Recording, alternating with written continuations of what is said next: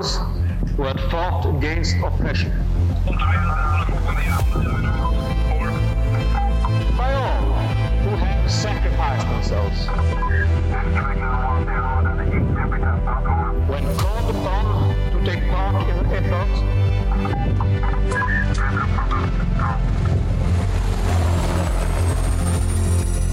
for freedom and peace. Detta är eh, podden Tack för din insats. Avsnitt 1. Och då har jag äran att ha med Peter Kaspersson. Tackar. Eh, Du har ju varit i Bosnien. Ja.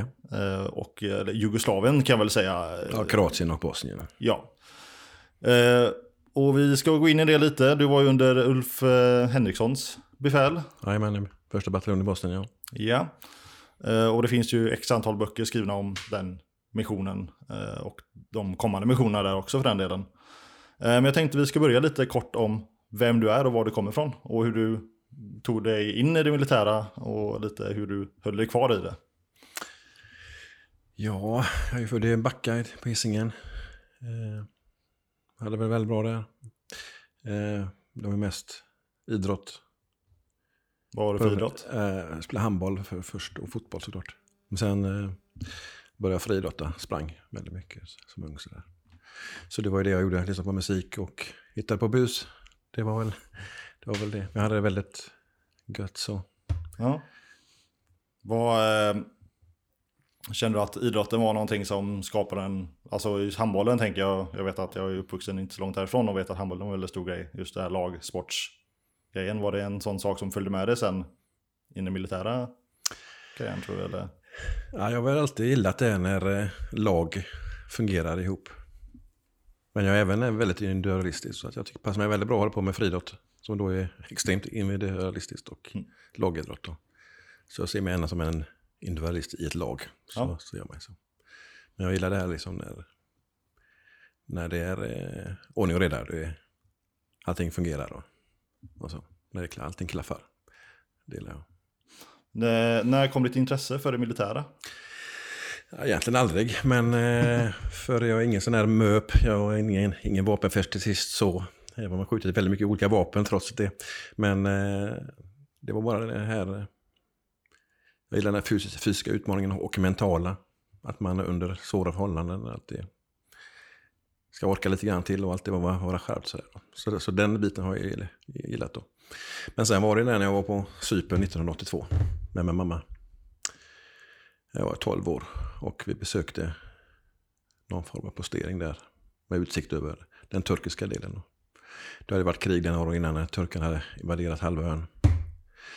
Och det kände jag väl till då, men så, som 12-åring så är man ju inte så himla insatt. Då. Så helt plötsligt fick jag se två svenska FN-soldater komma gående där. Välklippta, brunbrända, vältränade. Plåtglasögon. Jävligt coola. Och bara tänkte, vad fan gör de här? Eh, så fick jag förklarat då att de ja, vaktade så att det var fred där. Men jag kände ju att fan, det där var coolt. Men hur kom det sig att ni åkte till en postering på Cypern? Jag tänker, det måste Nej, men det var någon, bu- någon bussresa som jag skulle åka runt och så stannade man bara till där och för tittade på, tittar man på, jag tror stan hette Famagusta. Eh, Så var det en stor turiststad men som var helt öde, liksom, som, som en spökstad och inte en människa i stort sett som var där. Så det var väl. Ja, okej, så det var en liten sån avstickare på en... Ja, det var bara för att det var en liten utsiktsplats där vid, vid posteringen så att man hade utsikt över den så kallade spökstaden. Ja, okej. Men hade du eh, någon i din släkt som har gjort, eh, varit militär? Ja, de flesta hade väl gjort lumpen kan jag tänka mig. Nej, jag är uppväxt med en socialistisk släkt. Alla socialister och min mor sagt, hon var ju pacifist och rödstrumpa och hela den här biten. Så att hon blev inte glad när jag frågade hur man blev en FN-soldat. Utan det var ju bara att, ja, först får man göra lumpen, sen ska man få bra betyg också. Så att jag kände mig, ja, jag är lite rebell i mig också. Jag kände att, ja, men det, det, där, det där ska jag göra. Okej, så där började utmaningen. Så Ja. kände utmaningen. Men sen så har jag då haft, dels hade jag en lärare som hade, han var kapten och varit iväg på tre olika missioner. Då. Ja, Just på Cypern och eh, Sinai och kanske Libanon. Men han sa ju det liksom, får ni chansen så stick liksom bara. Och sen hade jag en, kollega som hade varit iväg och han sa samma sak. Får ni chansen, åk. Och sen hade jag en kusin då som åkte till Libanon också. Som också sa samma sak att får ni chansen så, så åk. Så att, Ja, men så det fanns ändå lite folk som ändå ja, gav lite influenser liksom ja, för ja, det. ja, visst, så var det. Nej, för det brukar ju ofta nästan vara, vara så lite att det, det kommer någon lite härifrån, man ser som säger någon, eh, någon uniformklädd där liksom och så växer en tanke och lite. Men, eh. Sen så, jag har inte en, några problem med eh, leva inrutat och eh, fylla strukturer och så. Men jag känner ju att jag behöver ha rejäla avbrott i jämna mellanrum. Och eh, sen när jag har gjort klar lumpen då kände jag ju att eh, då funderar jag på vad är nästa steg i livet? För man har alltid varit att man lärt sig prata och man lärt sig gå och man börjar lekskolan och för, eller lågstadiet och mellanstadiet, högstadiet och gymnasiet. Man skaffar jobb och fick handla på systemet, köpa, eller köra, skaffa körkort och sådär. Så eh, efter lumpen tänkte jag, vad är nästa steg i livet? Ja, det är ju pensionen om 44 år. Ska jag, ska jag jobba, skita sova 47 veckor om året i 44 år liksom? Nej, känner jag inte. Så det, det är också det att jag, ville hitta på något annat och få avbrott på det hela. Liksom inte bara... Men om vi, om vi tar din eh, värnplikt lite där, för du var på K3 va? Ja. ja. Hur, eh, hur kom det sig att du blev K3-are? Mm. Ja, det var ett misstag egentligen. För jag hade egentligen eh, velat ligga på en idrottspluton. För mina, många av mina kompisar låg ju där.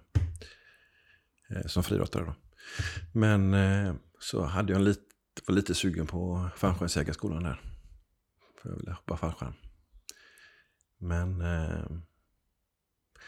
jag, jag hade väldigt bra testvärden så, så att när jag kom in så säger han mönstringsförrättaren heter man. Att jag fick välja i stort sett vad jag ville då. Alltså, jag vill bli pilot, sa jag. Men så, här, det är ju inte bra för jag ser ju det att vi ligger på idrottspluton och då kommer jag inte ha så mycket tid att träna när jag ska bli pilot. Så att, eh, ja, nej, men eh, fan, hur är det med eh, fallskärmsjägarskolan då? Ja, det, ja, visst, det kan du komma in på. Men då är vi två år får du vänta då innan det, det finns plats då. Men vi har en annan jägartjänst här till hösten på K3. Det är bara sju och en halv månad. Kanske ska ta den istället. Ja, det lät ju bra. Så då hoppade jag på det. Okay. och sen dagen efter kom jag på, ja fan jag skulle välja idrottspluton. Liksom. Det var ju fallskärmsjägarskolan eller idrottspluton. Det var de två alternativen som fanns då. Så jag ringde faktiskt då eh, till Pliktverket och försökte ändra då.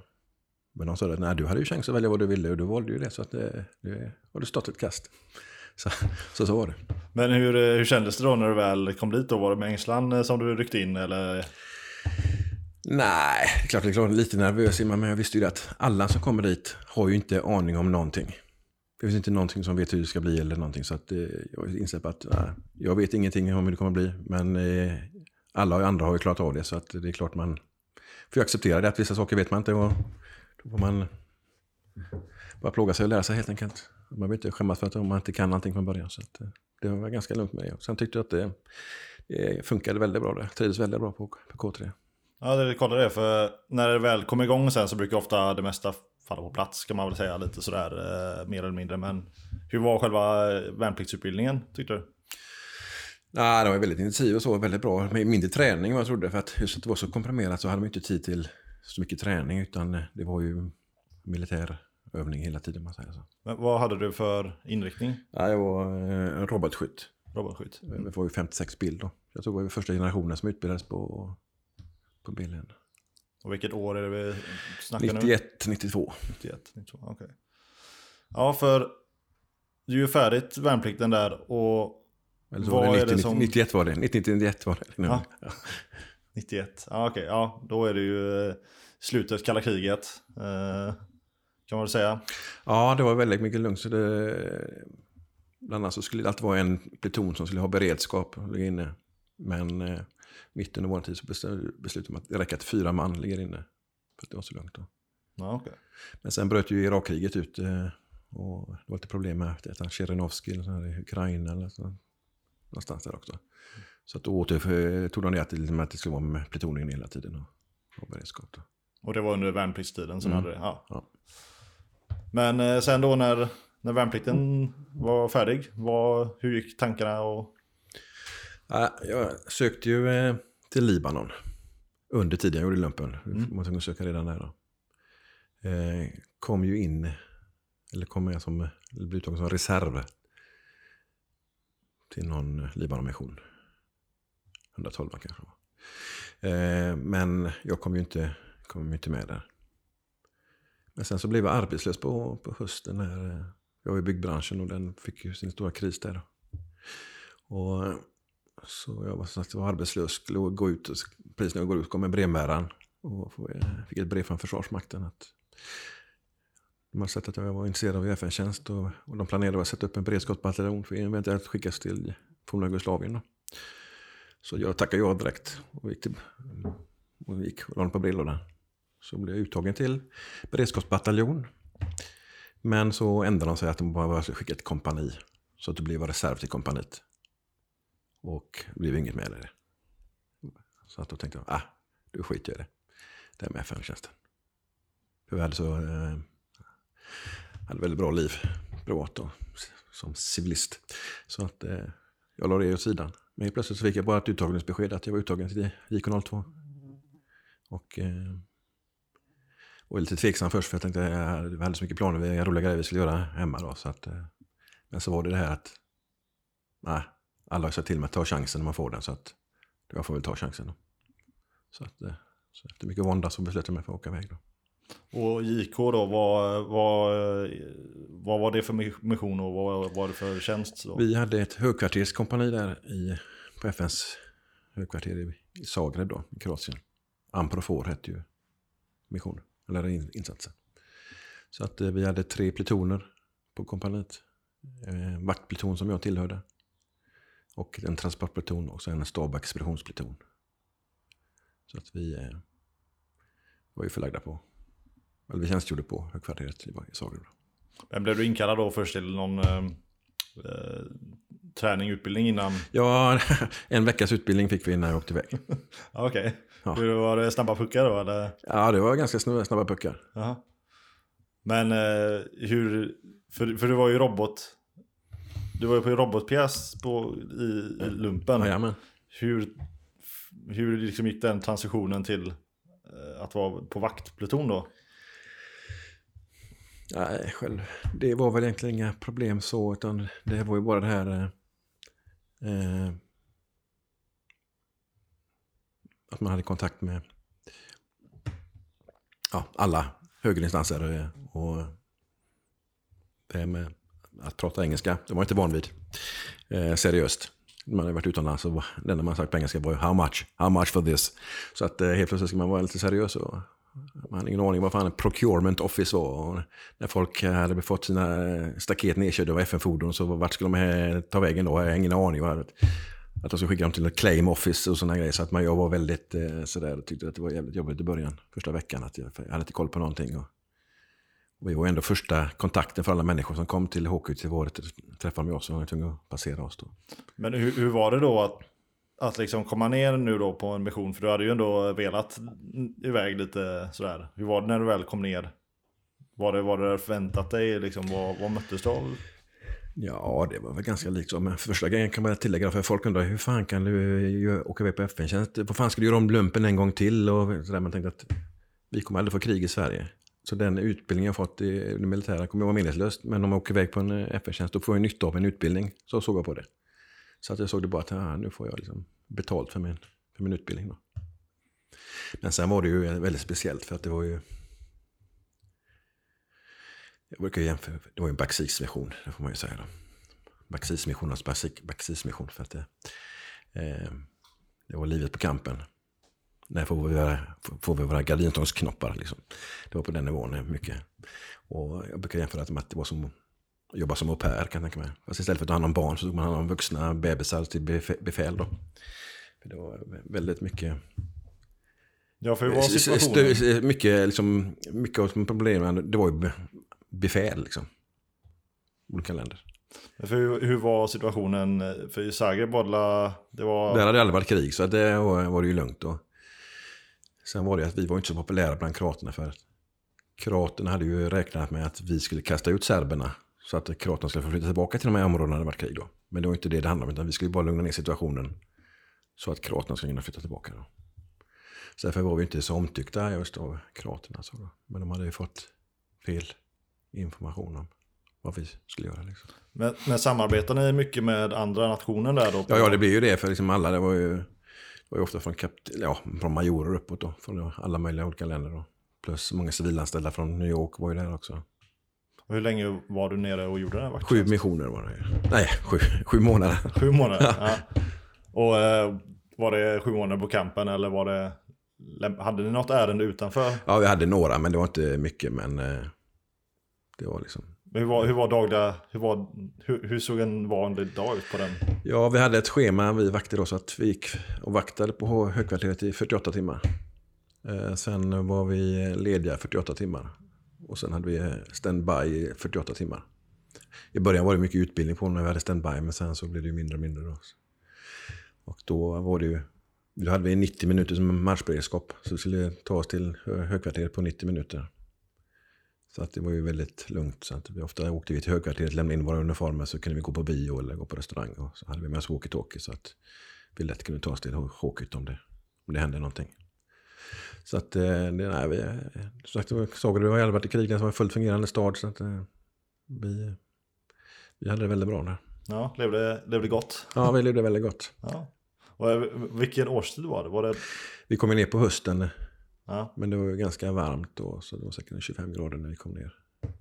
Så det var jättegott. Och sen var det ganska kall, eller ja, grå, trist vinter kan man säga. Det var väl, vi hade tre veckor med minus en till minus tre grader, grått, vindstilla. Helt plötsligt en dag vaknade så var det 22 minus. Men en vecka senare var det 25 plus igen, så att det var, var en väldigt stor skillnad. Så. Labilt väder. Ja. Men eh, okej, okay, så du gjorde dina sju månader som, som, ja, som vakt eh, där på Håkut. Ja. Och sen var det hemgång.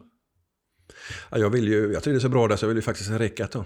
Mm. Men eh, den nya chefen vill ju inte ha så mycket erfarna soldater. Så han vill ju bara nya, formbara.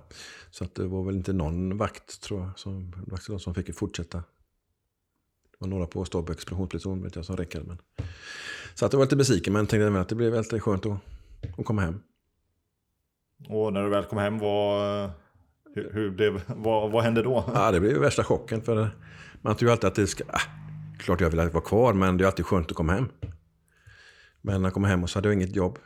Men kompisar antingen jobbade eller pluggade. Inga mobiltelefoner. Det där uttrycket att klättra på väggarna, det är verkligen det var precis vad, vad som skedde. Eh, du vet, man sitter och kollar på eh, tv-tablån och så bara Wah! Oprah Winfrey börjar med en timme. Liksom, då, känner man, då har man verkligen... då är man, står man lågt i korna, när man har så tråkigt. Så att det, det var det bara att, och då började det här snacket om att skicka ner eh, trupper till eh, B01, eller till Bosnien då. Så att då kände jag bara, jag måste med. Jag står inte ut här hemma, jag måste ju med. Jag, jag kan liksom inte vara hemma när, när alla ögon är, är riktade mot Bosnien. För då, när vi var i, i Kroatien då, då vi såg bilder på och fick information, information om hur det var i Bosnien så kände vi att fan, det är ju där man ska vara. Det är ju där man gör nytta. Som i Kroatien, det var, liksom, det var bara Petjasjenje som var det viktiga där. Liksom. Så att eh, då kände jag att nej, jag måste ju åka till Bosnien. För att liksom göra riktig nytta. För vad snackar vi för år? Nu är det 93, 94? Eh, 90, våren 93 kommer jag hem mm. från JK02. Ja, precis. För det börjar väl snackas då, eh, börjar väl uppdagas och snackas. Ja, det var väl precis då när jag kom hem som det började riktigt. Och det var ju, som, det var ju varje dag på media, liksom, det var hur mycket det är, om vi skulle skicka och var det för farligt att skicka svenskar och, och tänk om svenskar dör och, och sådär då. Så det var ju väldigt mycket diskussion om det. Jag bara kände, nej men jag måste vara med, jag måste vara med på plats. Jag kan liksom inte bara sitta hemma och läsa på text-tv vad som händer. Men sökte du då, eller hörde du av dig? Ja, då sökte jag. Men kom inte med. Jag fick inte ens ett svar på, eller, på det. Så jag vet inte vem som anmälan gick fram. Men, eh, för först var det en utbildning. För då hade jag bara en beredskapsbataljon att utbilda först. Då. Så där missade jag den utbildningen. Och, eh, Sen när det blev bestämt att de skulle skicka iväg bataljonen så blev det ju en ny utbildning. Och då ringde jag runt, för jag kände ganska många som hade varit på på IK 02. Som hade blivit uttagna till B01. Så jag ringde runt till eh, många av dem och frågade om de hade någon vakans då. Så till slut dök det upp en plats. Eh, på åttonde kompaniet då. Så att, eh, då fick jag komma med. Vad var det som för, vilken tjänst var det? Ja, då var det som robotskytt. Det var det? Okay. Ja, och det, men jag blev väldigt förvånad för helt plötsligt ringde en kapten då och berättade att hans chef 18 kompaniet och skulle åka till, till Bosnien och att han ville ha med mig som robotskytt. Och jag satt var vi var från Kroatien där jag hade en revolver som tjänstevapen. Och, och så är man ju van vid att FN, de ska man, de ska skapa fred om man säger så. Det ska inte vara några stridande parter. Så att, eh, så jag sa, men det är ju inte FN-mission det här liksom. Jo, jo, men ska verkligen ha PV-robot med. Jajamän, det ska vi ha. Vi ska ha stridsvagnar med oss också.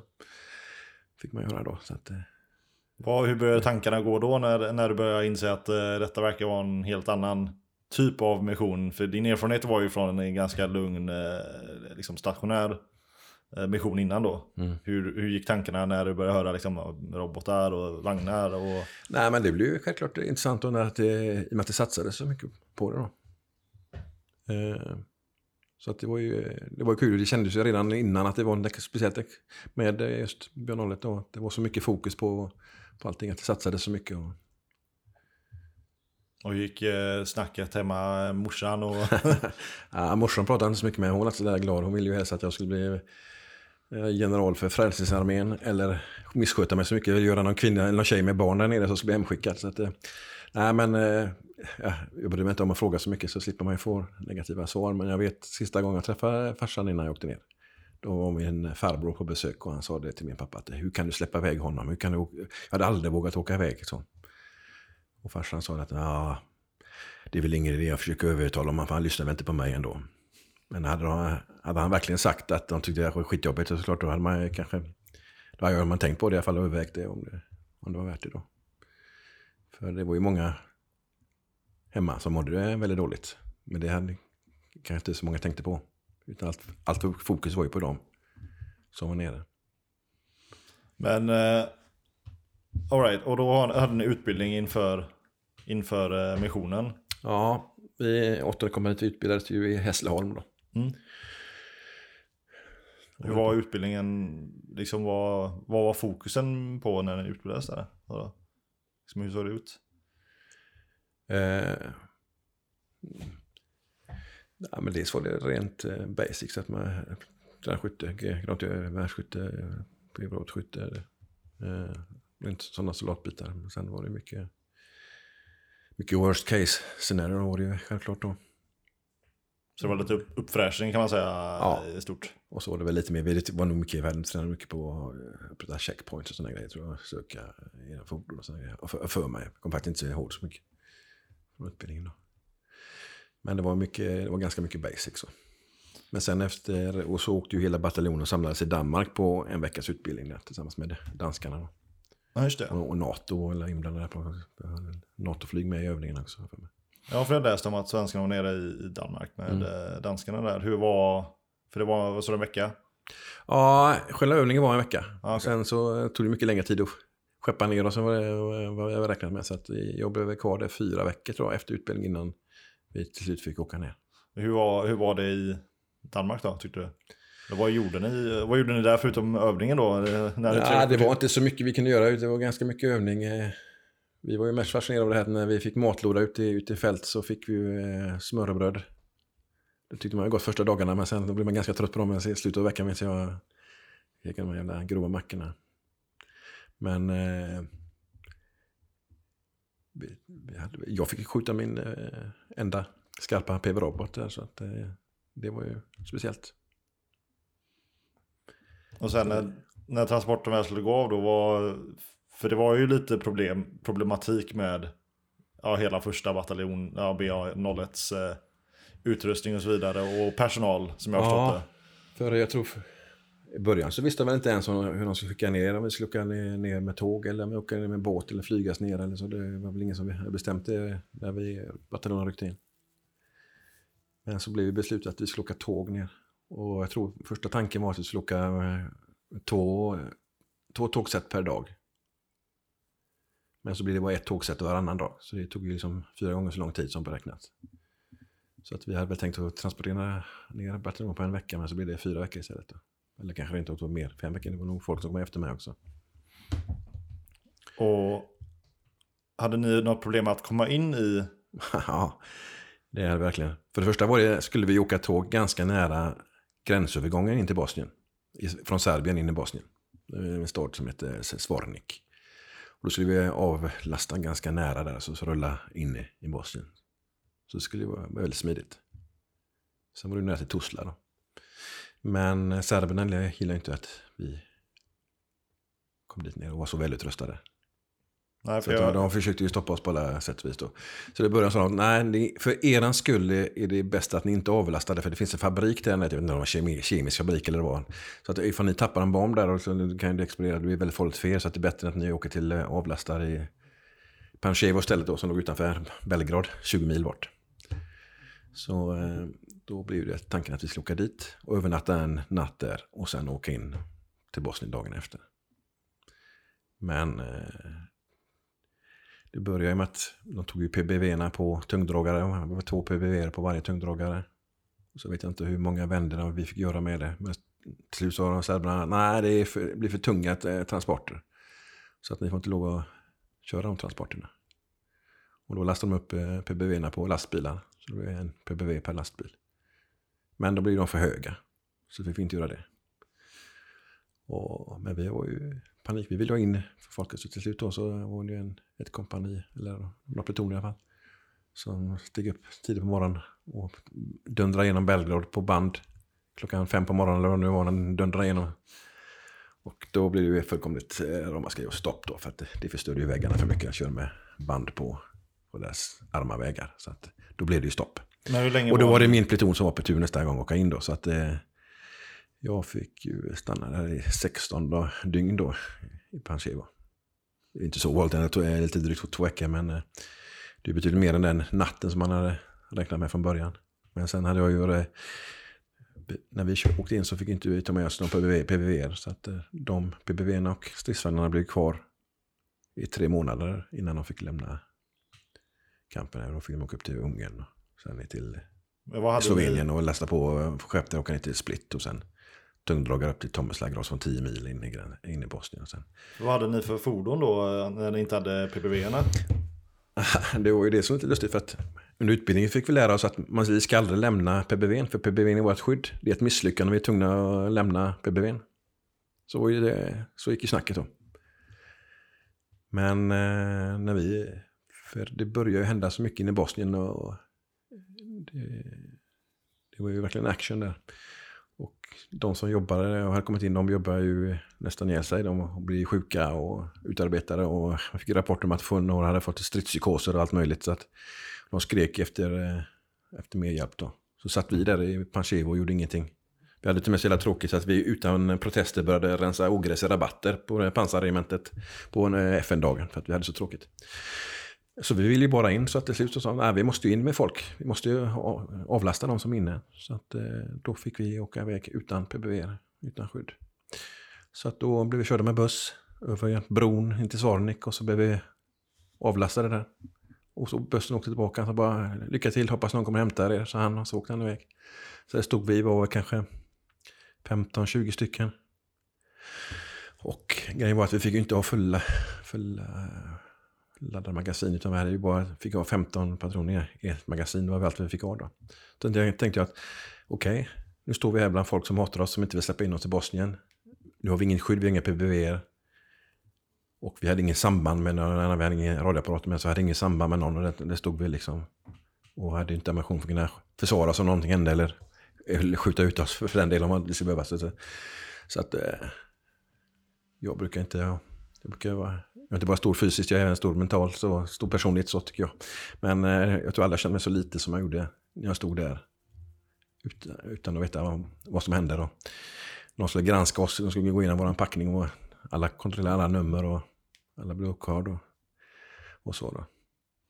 Vad, hur kom det sig att ni bara fick ha 15 patroner? Nej, det var serberna som sagt det. För vi skulle ju inte, eh, vi skulle inte vara någon stridande part eller så. Då tyckte de att behöver inte mer. Och, och så då. Ja, för jag har läst lite om det här brovaktaren då i Panchevo där. Liksom. Ja, att det var lite... Sor- Sonic, eh, King of the Bridge. Eh, Ja, just det. Ja. Precis. Eh, och som jag förstått så har det, det försvårade ju hela insatsen något kopiöst. eh, när det kommer till den materiella delen då. Ja. Danska stridsvagnar kommer inte in förrän väldigt sent. Nej, det var tre månader senare då som Ja. resterande PBN och stridsvagnarna kom in då. Så vad, vad, var, vad var det ni fick med er då? För du sa att du var där i 16 vi, dagar någonting. Vi fick, eh, det fick med, vi hade en ryggsäck tror jag bara. Möjligtvis hade vi en liten resväska, kanske, kanske vi hade med den där. Men annars var det bara det, det, det, det enda som, som någon sa inne i Bosnien som var det viktigaste var gummistövlar. För det var så lerigt.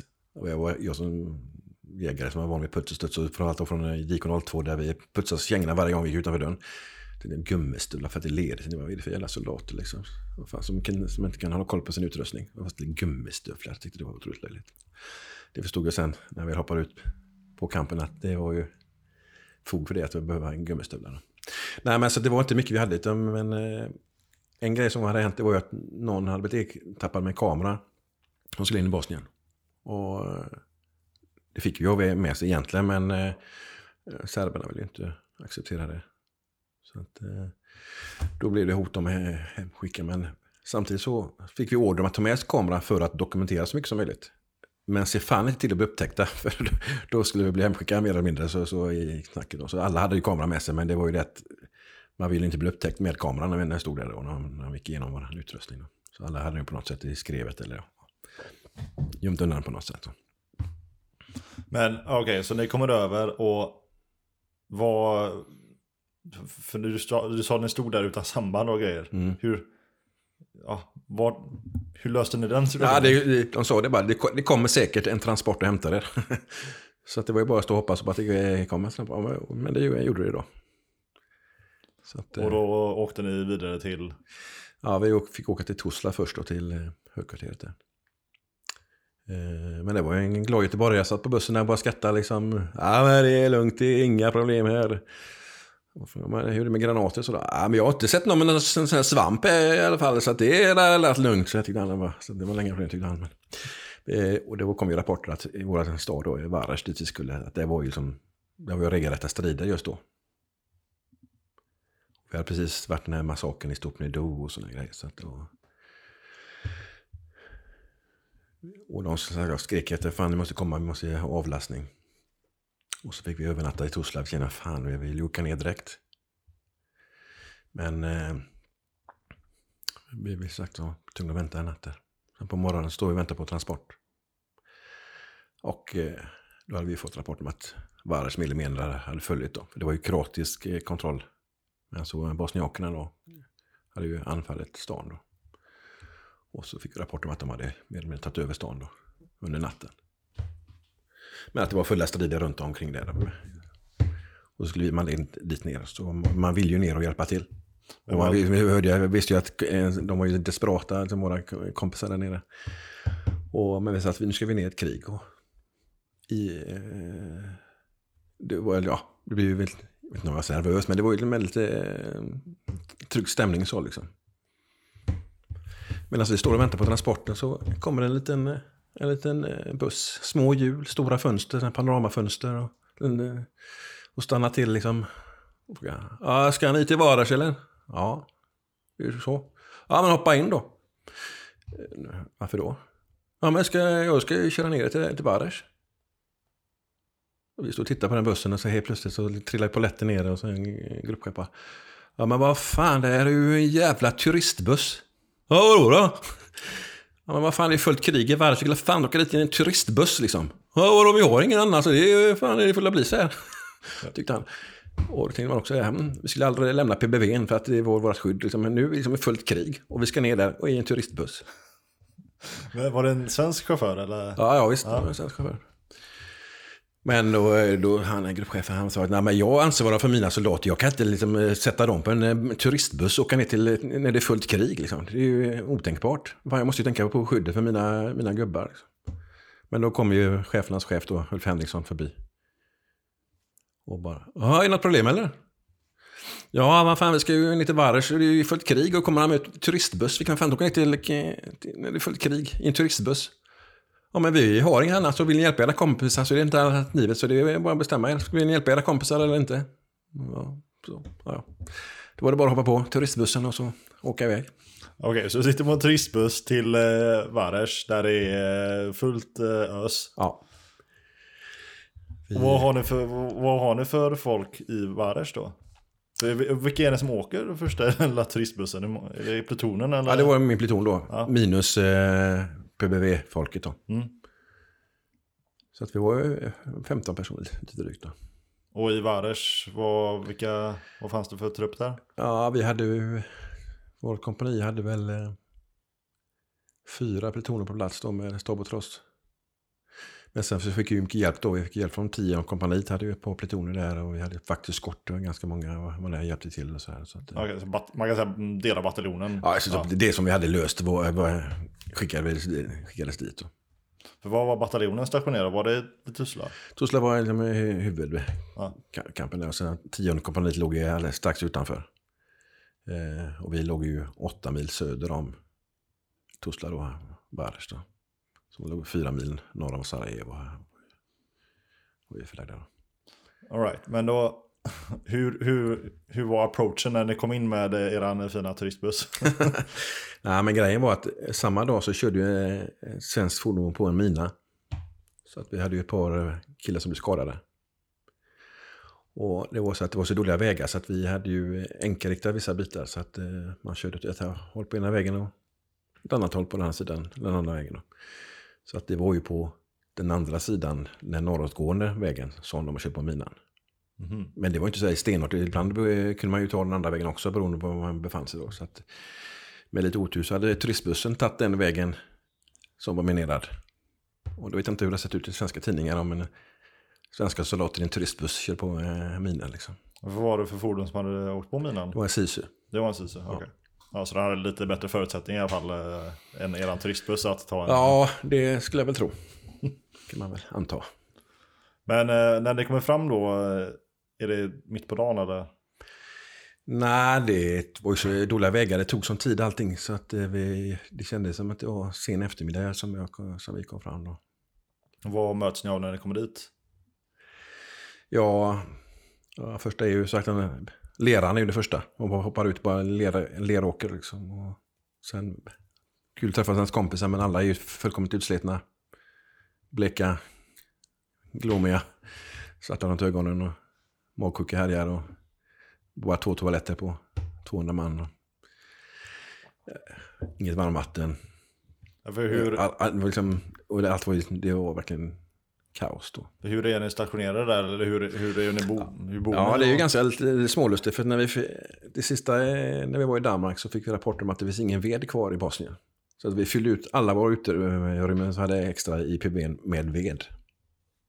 Men grejen är att vi hamnade ju då på en eh, gammal industrianläggning. En, en, en möbelsnickeri. Utanför var ett sågverk så att liksom vi, hela, hela gårdsplanen var liksom timmer. Och halva byggnaden var full av träd. För, till snickeri. Så att eh, just den biten, det var, i Sarajevo var det ont om ved. Men liksom det innebär inte att det var ont om ved i resten av Bosnien. Men det var lite mycket så i rapporteringen. Det som var i Sarajevo, det var lika för hela Bosnien i stort sett. Så ni bor på en gammal nedlagd, eller en gammal möbelsnickeri då? Ja, Så så ni, jag slog upp tälten inne i fabrikslokaler. Och hur, hur, hur går dagarna där då? Liksom? Eller hur, hur? Ja, i och med att våra pluton inte hade några PBV då. Så fick vi ju då ägna oss väldigt mycket åt. Ja, dels vakta kampen. Men sen då var ju mycket var sandsäcksfyllning och dra koncertinatråd och runt kampen och så. Så att det var mycket hårt arbete så då, men inte så mycket. Lite pionjärsjobb då nästan? Ja, det var väldigt mycket så. Så att eh, det fortsatte ju med hända väldigt mycket runt omkring. Men eh, vi fick mest stå i, gaten och vakta och lyssna på radion istället på allt som hände. Ja, men var det fortfarande stridigheter runt omkring? Ja, ja visst, det, det var ju väldigt mycket. För så när, när vi kom ner samma dag, då, då hade ju kroaterna haft ett eh, hotell bredvid, bredvid campen där de haft sitt högkvarter. Det stod ju brand när, när vi kom. Liksom, så här då. Och sen var det ju en... Ja, det var väldigt mycket strider runt omkring. För det är också en intressant grej, för i och med att några hade kört på en mina och några blev skadade så fick vi mer eller mindre, jag blev mer eller mindre beordrade att ringa hem och tala om att allting var lugnt. Så jag skulle ringa hem och tala om att jag var på plats i Bosnien. Och att jag inte var med bland skadade i mi- minolyckan. Samtidigt lugnade de mig hemma och sa att det är lugnt, det behöver inte vara oroliga. Så det blev en liten, en liten balansgång där hur man skulle lägga upp det hela. Så jag står ju då i kön då till satellittelefon för att ringa hem. Fick lägga upp taktiken då för att liksom misstänka att de vet väl rätt mycket om vad som har hänt hemma. Men man kan ju inte, man kan inte ljuga heller för att göra lugna. Utan, så jag kände att det var lite svårt att lägga upp en bra taktik. Ja, jag tänkte för nyhetsrapporteringen var ju ganska stor Ja, den var väldigt stor men sen var det inte alltid korrekt så, det jag fick då. Eh, Men jag står i alla fall kön och så har jag en person framför mig. Och då eh, råkar jag överhöra hans samtal. Så han ringer ju hem till sin mor. Och bara, hej mamma, det är Kalle. Nej men hej Kalle, är det du som ringer? Hur har ni det? Jo, det är bra mamma. Men vad är det som smäller i bakgrunden? Om det är granater. Och, så skrek ju hon där va. Men det är ingen fara mamma, det är en kilometer härifrån. Och det var ännu mer skrik då. Jag tänkte, herregud, liksom, vad fan säger han liksom? Visserligen hade den närmsta granaten tror jag slått ner 90 meter någonting var vår eh, närmsta postering. Så, här då. Men, så när han tog i med en kilometer tyckte jag men det var ju en bra överdrift. Men det, för en som är hemma, då, ens mor som hör sin son, då, liksom, hör granater i bakgrunden. Och det var fullt med HMG och eh, Kalashnikovs. Liksom, det var liksom en ljudmatta konstant av eh, granater och eh, HMG. Så. så jag tänkte, fan hörs det hem? Det var inte bra. Det är svårt att lugna sina föräldrar och man, är, man har en liten en sån ljudkuliss bakom. Så jag tänkte, hmm, är det, jag får prata oavbrutet, högt och snabbt så att inte överrösta liksom, ljudkulissen. Vilket jag tyckte jag hade lyckats bra med. Men eh, vi hade ju fem minuter på oss att prata. Men prata oavbrutet i fem minuter utan eh, uppehåll, liksom, det är ju ganska svårt. Så när jag väl eh, var tvungen att ta, lite luft och så avsluta med att säga så att ja, så allting är lugnt här. Då hör man ju bara farsan bara lite dämpat i andra änden. Ja, det låter inte så i bakgrunden. Fan också, liksom, hördes hemma så. Jag kan inte säga att jag är en kilometer ifrån som en kollega, för det var ju lite lugnare. Så jag sa ju bara, nej men det är ingen fara, för det är, det är långt bort, men det ekar så i dalgångarna. Jaha, och det vill du att jag ska tro på? Ja, men så är det, vet du. Eh, Så att det, det var väl inte riktigt lyckat. Ja, han såg igenom den lugnen. eh, Ja, han gjorde det ja. Så, att, men, så det, det tog mig nog 20 år innan jag kunde mäta upp det samtalet med farsan. Eh, Så jag verkligen kände då så här. Men ja, det var ändå så pass mycket eh, så stridigheter i bakgrunden att det... Ja, ja visst. Det var liksom en konstant ljudmatta. Och det är utgående och inkommande granater då. Sen vanlig beskjutning. då. Men... För, för det hade ju inte era PBV då. Så att, men hade, hade ni mest observationsposter runt omkring då? För liksom vad blev eran, alltså kompaniets uppgift då eller? Ja, men vi, hade- de andra plutonerna hade ju PBV och så. Så att eh, de var ju, vi hade några observationsposter och... eh,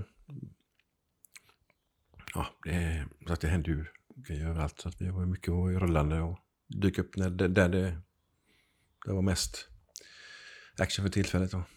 För, Men så att vi, vår pluton vi fick mest ägna oss åt vakta och fylla sandsäck. och hur länge fick ni göra det? För ni fick in era PBV Ja, men så det tog tre månader tror jag det tog innan eh, vi fick våra PBV. Och när de väl kom, var, eh, blev det någon skillnad då eller? Ja, men grejen var att det blev mycket lugnare. För det var ju som sagt, det var, det var första sex veckorna tror jag det var liksom. Det hände grejer konstant. Och vi hade ju ett team från BBC och ett från CNN boende på campen de första veckorna. Som följde oss, för att det hände ju alltid någonting.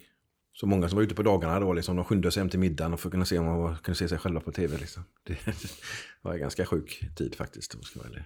En väldigt sjuk tid. Men eh, för jag tänker för att Vares, eh, det är ju lite omtalat då med, eh, med eh, Ulf Henriksson, eh, sheriffen i Vares. mm. Vad, vad minns du om det liksom? Eller var du, för det finns lite olika eh, historier från, från det liksom. Ja, men eh, så de första två veckorna missade jag ju då. Eller slapp, om man ser på det sättet. Eh, så just de bitarna, det har jag också bara fått berätta för mig. Eller han själv har berättat. Och så här. Men eh, det var ju, han var ju ofta på besök liksom. och Det, det var ändå skönt när han kom på besök. Och det, han ingjutit sånt mod och en trygghet liksom. Det var väldigt Jag tyckte han var en bra. eh, Ja, en väldigt bra chef så liksom. Mm. All right, men ni får in era PBVer. Hur är det för, är det under 01 som det blir lite beskjutningar på PBVerna? Ja, det var ju faktiskt min pluton, två vagnar från min pluton. Som. Eh, Men då, just då åkte inte jag med för att min eh, förare var på, på liv. Han var, var inte närvarande. Så att de två andra vagnarna plus en eh, stridvagn åkte iväg. Så det var väl tre vagnar som åkte iväg. Två från min pluton. Och, eh, två av dem blev träffade av robotar. För vad var det de var ute på för, för uppdrag då? Nej, det var ju så att våra vägar, det fanns egentligen bara en väg till Tuzla. Och den var så dålig. Det var liksom gamla getstigar som varit uppkörda i stort sett. Så att vi var ju ett desperat behov av att öppna en ny konvojväg som var mycket bättre. Och då gick det en väldigt bra eh, väg, men den gick ju mellan serber på ena sidan och så bosniaker då på, på andra sidan. Och varje gång vi visade oss där uppe så blev vi beskjutna då, för de ville inte ha oss där. Så att vi, det var en reko- rekognosering innan- inför öppnandet av den vägen som, eh, som pågick då när de blev beskjutna. Och hur gick, eller liksom vad, hur blev reaktionen på, på kompaniet efter den, eller, den, ja, när det skedde? Ja, dels var vi inte för, förvånade, för många räknade med att ja, nu åker vi upp till Ribnitz och blir beskjutna. Det var ungefär så de sa, de som åkte iväg då. Men eh, problemet var ju att eh, vi visste inte vad vi hade blivit, blev beskjutna med. Och vi fick ju understöd från NATO-flyg direkt då. Och de sa bara att ges mm, någonting att skjuta på, några koordinater eller några stridsställningar. Men de visste ju inte vad det var som hade skjutit. Eh, så att eh, de kunde heller inte eh, skjuta på någonting då. Och det blev lite frustrerat då. Och då vet jag var ju en svensk journalist som satt i Paris och skrev det att han läste läst en hemlig rapport att eh, FN inte hade velat hjälpa oss då. Och inte, att det det berodde på. Men det var ju för att vi kunde inte precisera varifrån de hade skjutit för vi visste inte vad de hade skjutit med. Så att då eh, vi var lite upprörda då. Jag tänkte på journalisten men eh, rent allmänt på situationen att vi, vi såg gropbeskjutna men inte visste vad av vad. Då. Det var först dagen efter när vi skulle bärga PB'erna som vi hittade trådar till och med den här roboten. Då. Så vi insåg att aha, det var robotar vi träffade med. Då. För vi visste inte om någon stridsvagn eller någon kanon slagit. Första dagen. Då. Men för de blev utslagna fordonen va? Men per, hur blev det med personalen? En, en blev så pass att han inte kunde köra vidare, men andra blev så pass att han kunde backa undan i alla fall. Då, även om det gick väldigt långsamt så kunde han ju backa undan i skydd i alla fall. Då. Eh, Så vi hade väl fem personer som blev, fick splitterskador. Så det ganska lind- lindrigt så. Hade vi väldigt, väldigt tur som vi alltid hade. Och en fick problem med sina ögon då, från svettstrålen och från RFC-strålen. Så att det, det var ju väldigt bra utfall på av två klockrena träffar av eh, robotar. Men sagt, de var ju designade för att träffa en stridsvagn, inte för eh, PBE med tung plåt. För där gick ju strålen bara rätt igenom våra fordon. Mm. Så att, eh, det hade varit värre om stridsvagnar som hade blivit träffade. Så, helt klart. För du sa det att ni nästan räknade med att bli beskjutna när ni åkte dit. Mm. Hur, liksom, vad, ja, hur brukar det i normalfallet vara där? För jag har själv läst lite om just det, om, om eh, upp, ja, försöket av öppningen av, av konvojvägen att det var väldigt stor problematik med beskjutning. Men hur, hur, liksom, hur, hur visade det sig? Var det small arms eller var det mycket Nej, jag vet inte hur det varit i början. För det var inte folk från vårat kompani som hade blivit beskjutna innan. Utan det var nog eh, andra enheter som hade blivit beskjutna. Utan vi visste bara att att, eh, det hade varit beskjutning på alla, i stort sett alla som hade visat sig uppe så hade de blivit beskjutna. Men det har nog inte varit så grov beskjutning tror jag inte. Innan. Men för ni lyckades väl till slut öppna den konvojvägen Ja. innan, innan BA01 eh, Ja. lämnade. Hur, hur lyckades man med det?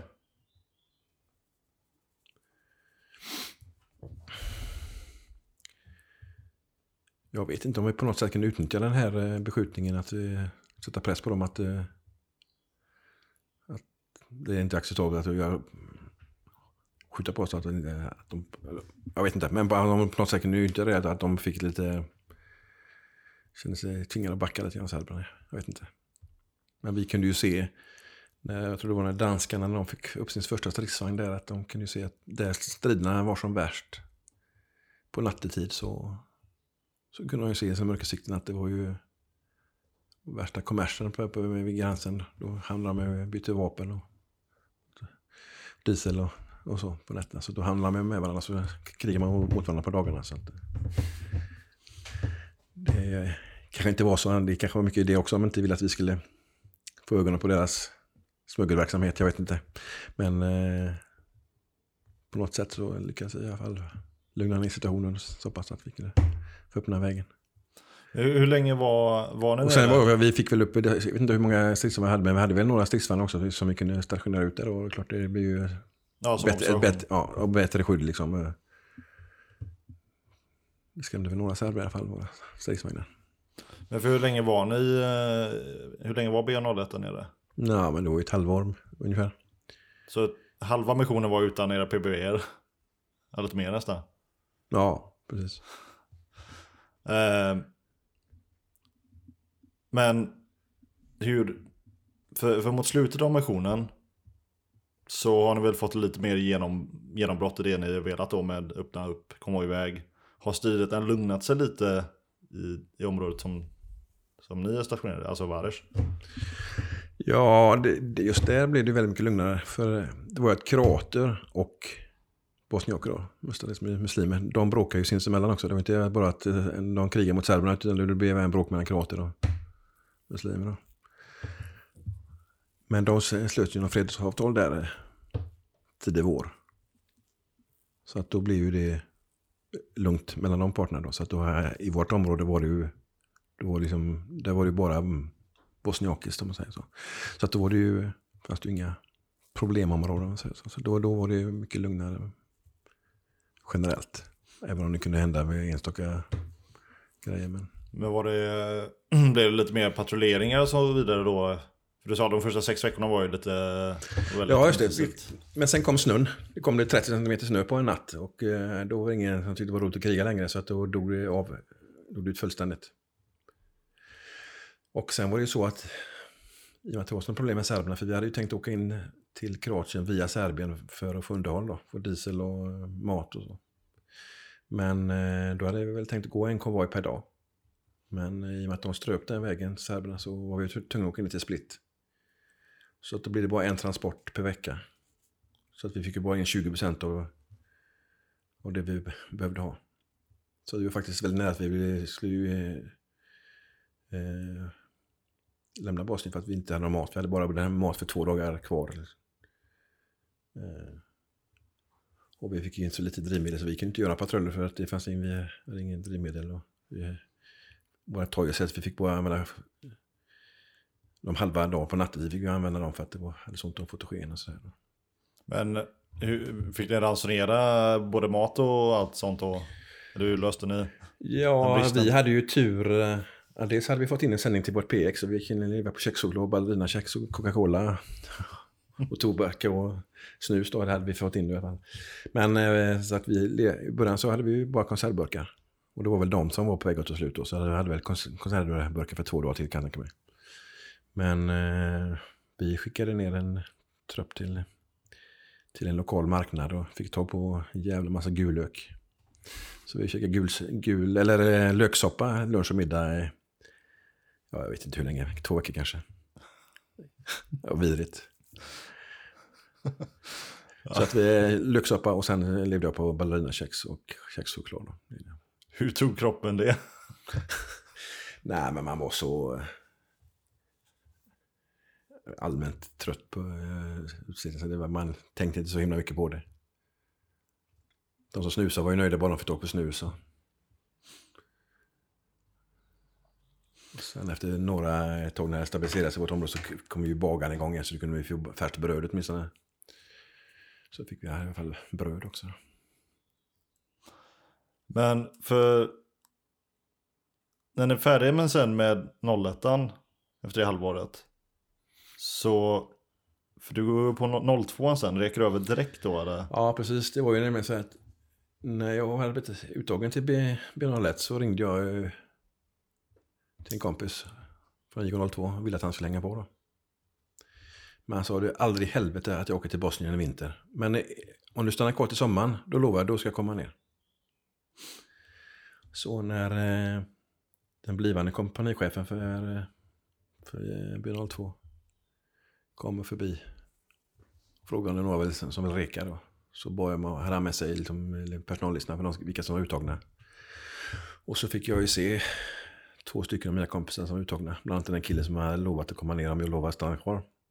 Så tänkte jag, okej, jag stannar kvar om jag får hamna i Erikssons grupp då. Ja, ja visst, då sätter vi in det där. Så satte han in mig där. Så fick det bli så. Okej, och då, men stannar du kvar i Vares då eller? Ja, mm. Så är egentligen bara, du bara fortsatte? jag, jag bytte tält i stort sett på campen och sen var det ja, en ny, ny grupp. Så. Okej, men hur många var ni som stannade kvar? Hur många var det som lämnade? Det var ganska många som hade tänkt eh, stanna kvar. Men eh, de, de gillade inte det nya chefskapet. Så att det var väldigt många av rekarna som, eh, som inte skrev på nya kontraktet och åkte hem. Så, eh, och den nya kompanichefen var väl ganska upprörd om jag får säga så.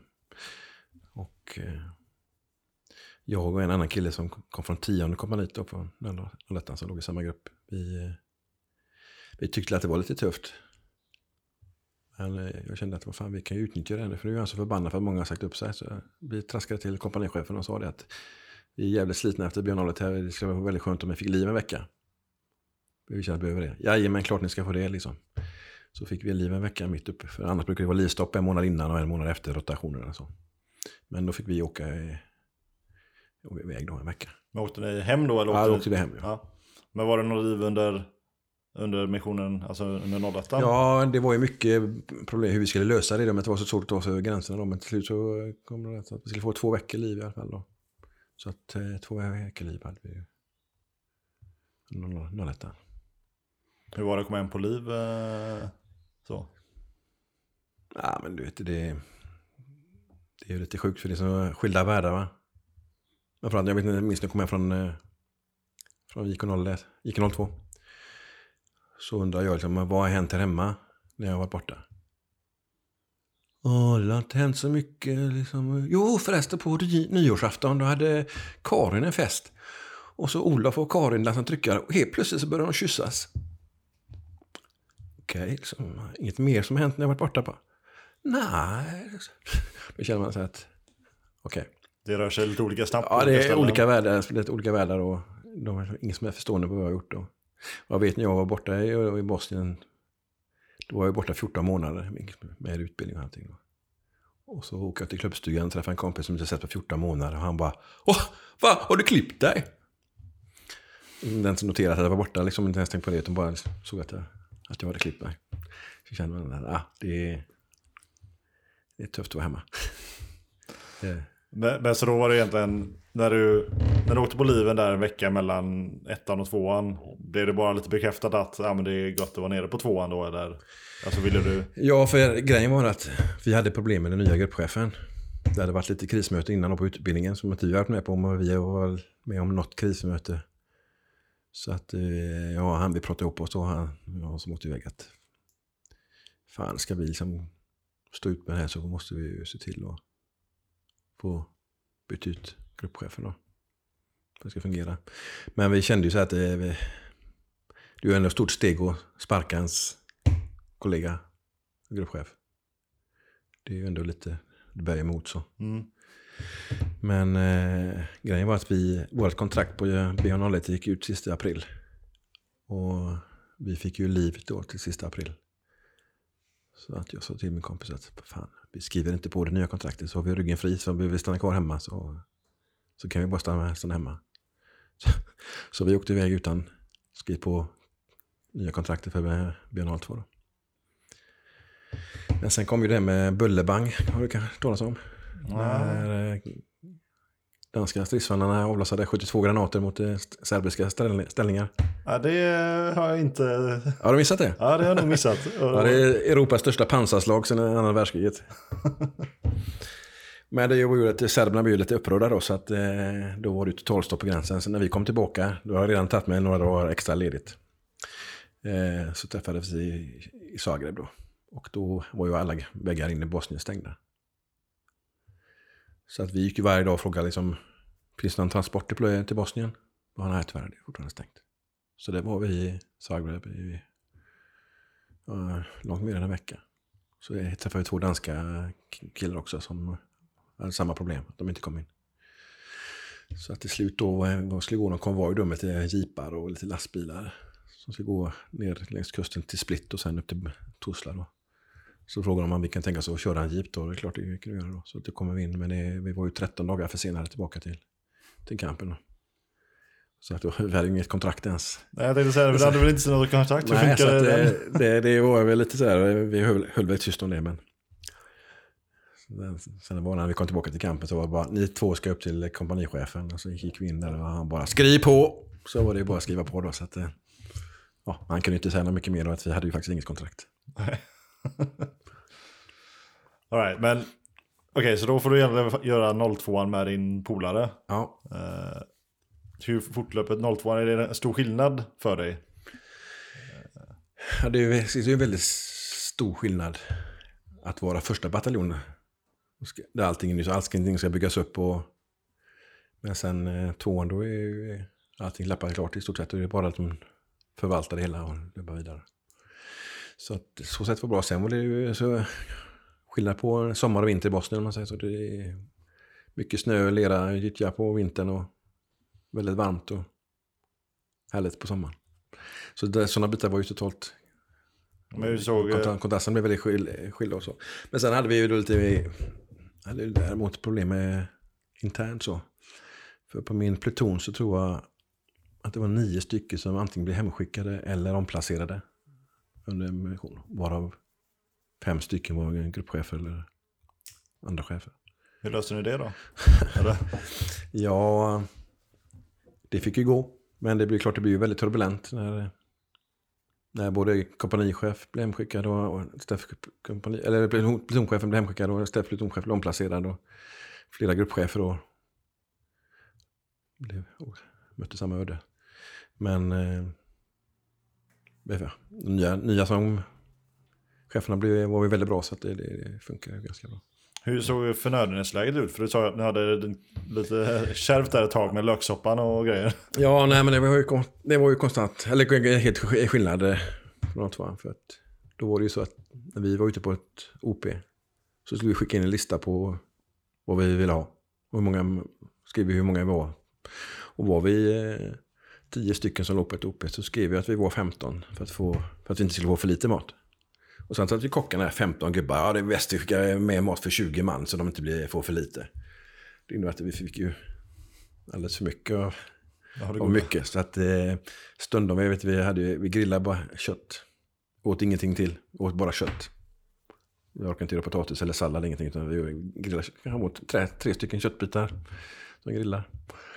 Så att, eh, det, Det blev- det blev som eh, fel åt andra hållet. Det blev som överflöd där. Så. Men hur var det, alltså när ni var på oplats då, så här, hur, hur var upplägget där? Var ni ute ett dygn eller en vecka? Eller? Nej, det, så liksom- då, då körde vi nog med att vi var, en pluton hade handlat om ett område. Så vi hade, till exempel på ett ställe var vi ett OP och en checkpoint. Så var det någon tre, eller en pluton där. Så man var två grupper på ett ställe och en på det andra. Så roterar man då i veckan. Och så. Alltså man var där en vecka och sen så tillbaka till campen? Alltså, men nej, då var man på liksom, det området i tre veckor då. Ja, Fast man var på de här olika OPerna. Sen, eh, ja, det var väl ungefär så tänkt. Men sen så flyttade ju vi, bytte område mitt i missionen. Så vi fick ju lämna Bares och flytta norröver. Okej, var flyttade ni då någonstans? Ja, Det var lite eh, nordväst om eh, Tuzla. Spionitz heter det. Eh, Varför flyttade ni? nej. Jag vet inte om det var för att vi... Om vi skulle bli bättre bemannade på mindre om yta eller om det var helt, helt enkelt för att vi skulle få plats med två stycken pakistanska bataljoner. Så det kom ju två stycken pakistanska bataljoner och tog över det område som eh, åttonde kompaniet hade. I stort sett kan man säga. Så att eh, vi blev ersatta av pakistanare. Då. Men vad, vad ja, när ni låg tusen ut på oplats då, vad, vad gjorde ni då för någon som knappt ens vet vad en oplats är? Alltså, menar, min, min erfarenhet av oplats är att man ligger ju bara och spanar ut liksom. Men Ja. min erfarenhet är ju inte att man gör det i kanske en vecka heller, utan... eh, Nej, som på det ena st- stället vi hade, som vi kallar för Milankovic-höjden eller Snapphanen, som skåningarna döpte det till.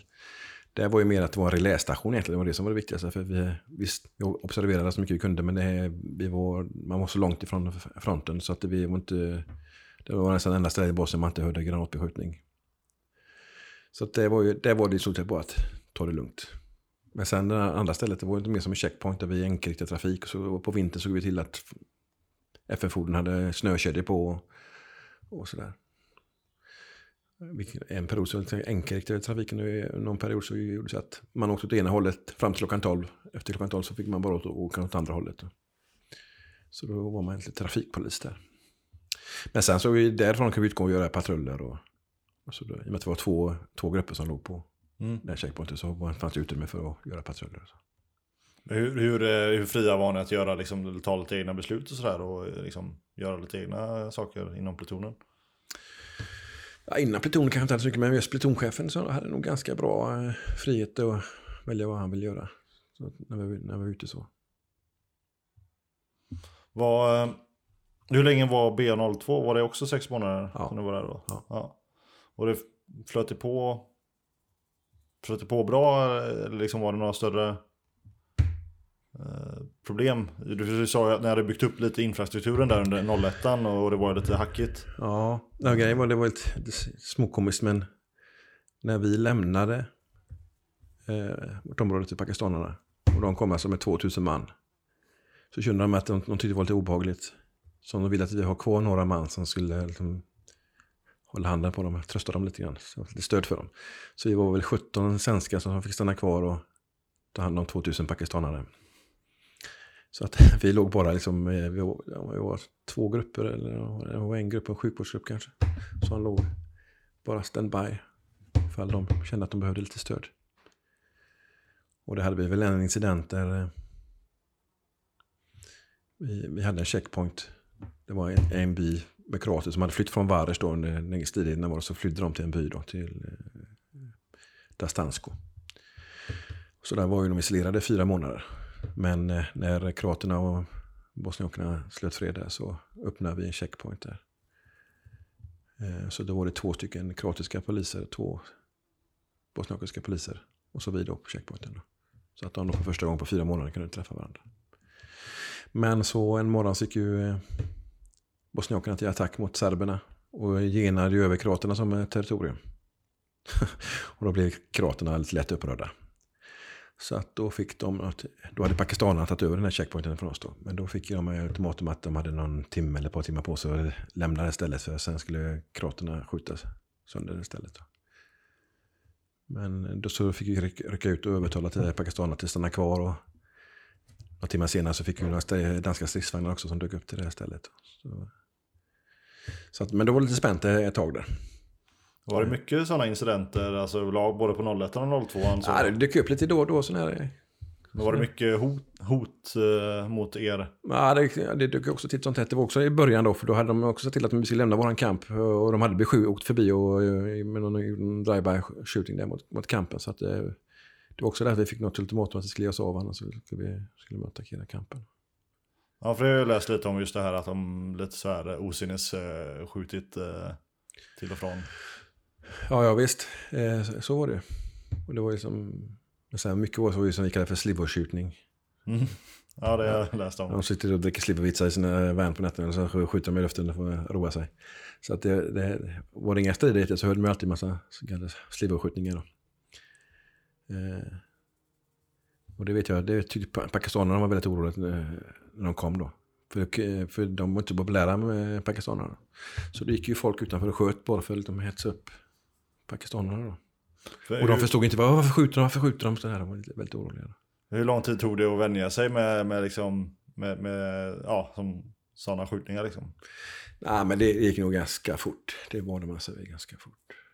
Och pakistanerna, Ja, det var ju så att eh, till slut då så, eh, de var lite upprörda så, till slut då så kom eh, deras bataljonschef var det väl? Eller var kanske en kompanichef. Gick till våran chef och sa det. Tonight, every single man is on duty. Every single man. Och då blev han lite orolig, våran chef då. Tänkte, åh herregud, vad kommer hända nu? Liksom, om de lättar på avtryckaren. För det vet jag ju då när vi var uppe i Dasansko. Då kom, när vi kom dit och så ser jag en kille som ligger vid eh, sin kulspruta med finger på avtryckaren. Sättet bara rann i, liksom, i, i pannan och ner för tinningarna. Va? Och vi frågade, har du sett någonting? Not yet, not yet. Så han låg ju där liksom helspänd då med finger på avtryckaren.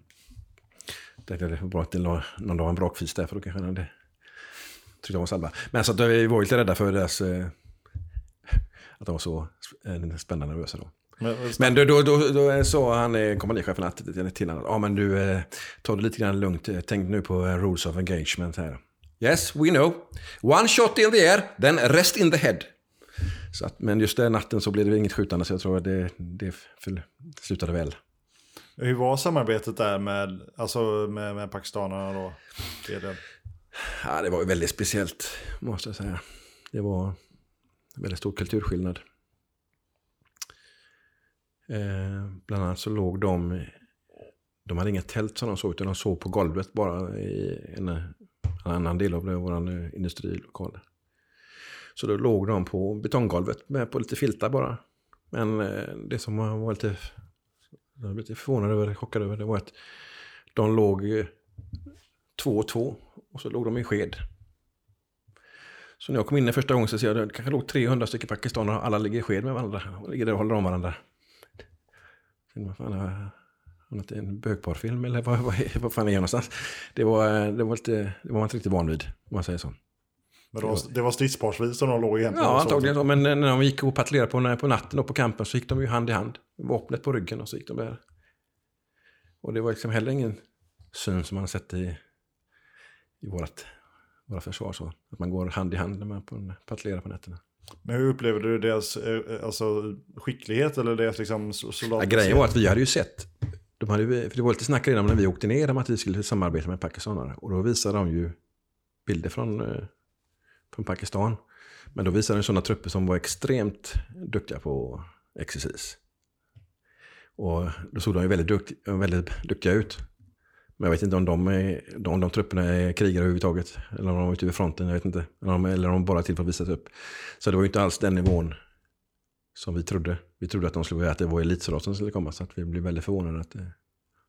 Men upplevde ni att de var, ja, för, eller ja, så som du beskriver det så låter det som att de var väldigt nervösa. Tror du att de hade fått andra ingångsvärden så?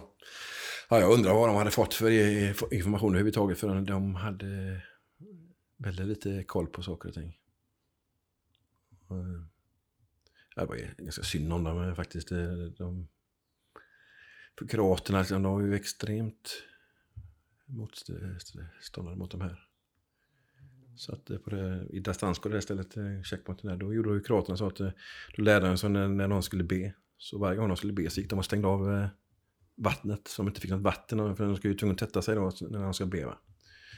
Så att eh, så gick en stackars pakistanare. Åh, no water, no water. Han började nästan gråta. Man visste att han får väl stryk då om inte han levererar vatten fram till bönen. Då. Så att eh, om vi, tyckte att vi var motarbetare så var det ju inget mot vad pakistanerna blev då. De ju mycket sämre bemötta. Så. Hur länge samarbetade ni med dem? Var det resten av missionen? Nej, jag vet inte. Vi stannade kvar. Jag, jag kommer inte ihåg det. Om det var någon månad eller något, sånt, några, några veckor. Så, så det. Men jag vet för mig att jag åkte upp till det nya området. Att jag bara var där i två månader kanske. Lite två månader. Var det några andra nationer så som ni jobbade tätt med? Ja, danskar och norrmän framförallt då, självklart. Eh, sen hade vi lite... Det var ju när, när vi åkte på våra konvojer ner till, till Split. Då var det ju mycket engelsmän och kanadensare som vi hade. Men brukar du åka med på de konvojerna också? Nej, inte brukar, men jag gjorde några konvojer så. Någon, Ja. veck, någon vecka var med och satt co-drive åt någon eh, lastbilschaufför som ville ha sällskap när han körde containrar fram och tillbaka till Tuzla. Och sådär. Ja, du tog det lite som en lite break från uh, vardagen eller? Ja, precis. Ja. Och fick man passa på att köpa någonting extra på PXen? Och det fanns något extra? Ja, det fanns inte så mycket extra att köpa så att det var väl inget, inte så mycket så. Det var med för att man får komma ut och se sig lite grann omkring och få lite andra intryck. Vad- de konvojerna, de varade mer än ett dygn va? Eller? Nej, nej, ja, och skulle man inte Split så eh, var det oftast en övernattning på vägen. Men eh, när jag åkte med den veckan då åkte vi bara mellan eh, ett ställe som heter Vissoko så Tuzla det kanske är ja, 10 mil max mellan det. Men en, en sån resa kunde den ta 14 timmar. Man måste bara åka 10 mil. Ja, okej. Men vad, eh, vad är det för, ja, vi kommer komma in på det sen, eh, BA07 där, men vad är det du tar med dig mest från de första två bataljonerna?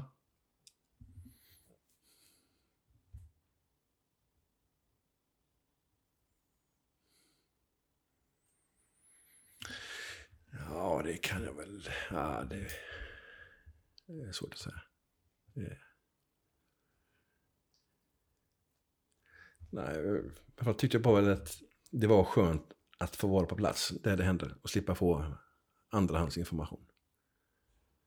När man, när man varit på plats en gång och ser hur det rapporteras hemma, hur mycket det skiljer från verkligheten, så eh, eh, då tyckte jag det var verkligen skönt att vara på plats och se vad, hur det egentligen är på, på riktigt och vad som händer. Så vi, det kunde ju rapporteras, det var liksom i början, eh, vi kom ner i Bosnien, då hade vi ett OP som var under eh, stort tryck. Men framförallt så var krigade kroaterna och bosniakerna mot, eh, mot varandra. Och då var det några kroater som grupperade nedanför det här OP. Och då hade de en luftvärnskanon eh, på en eh, lastbil, på ett lastbilsflak. Men det stod de i skydd för att då visste de att de kan inte bosnierna skjuta på dem för då är det risk eh, att de träffar oss. Men då visar de bilder på detta på ett aktuellt, eh, kan vi säga då. Och då säger de att svenska FN-soldater sköt eh, med tungt artilleri i Bosnien idag. Och då känner man bara, herregud. Det var inte riktigt så det var, om man säger så. Och då tänker man så här, men hur mycket liksom fel information sprids.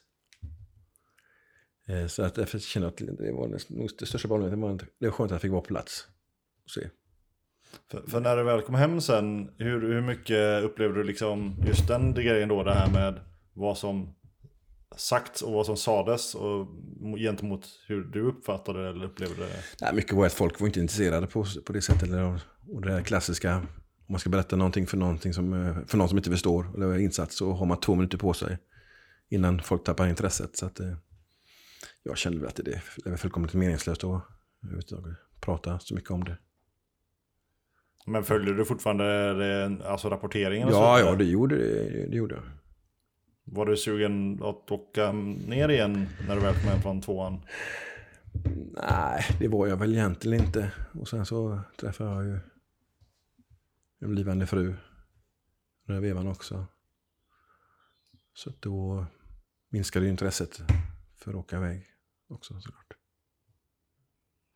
Men för när du kom hem sen då, hur, hur, hur blev vardagen för din del? Ja, men det, är, är, det är så väldigt frustrerande. Eh, man lever som skilda världar.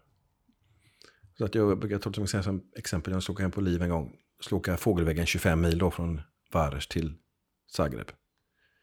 Men de här 25 milen tog fem dygn för mig att åka de här, de här, den här den sträckan. Då.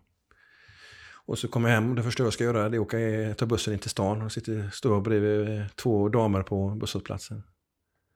Så säger den ena damen liksom, nej, nu är bussen försenad idag, idag igen. Igår kom den två minuter för sent. Jag tänkte, ja. Eh, stora problem. Kände jag, det tog mig fem dagar att åka 25 mil, men eh, här gnällde man för att en buss kommer två minuter för sent. Jag kände liksom att här vill inte jag vara. Liksom. Kändes väldigt konstig värld.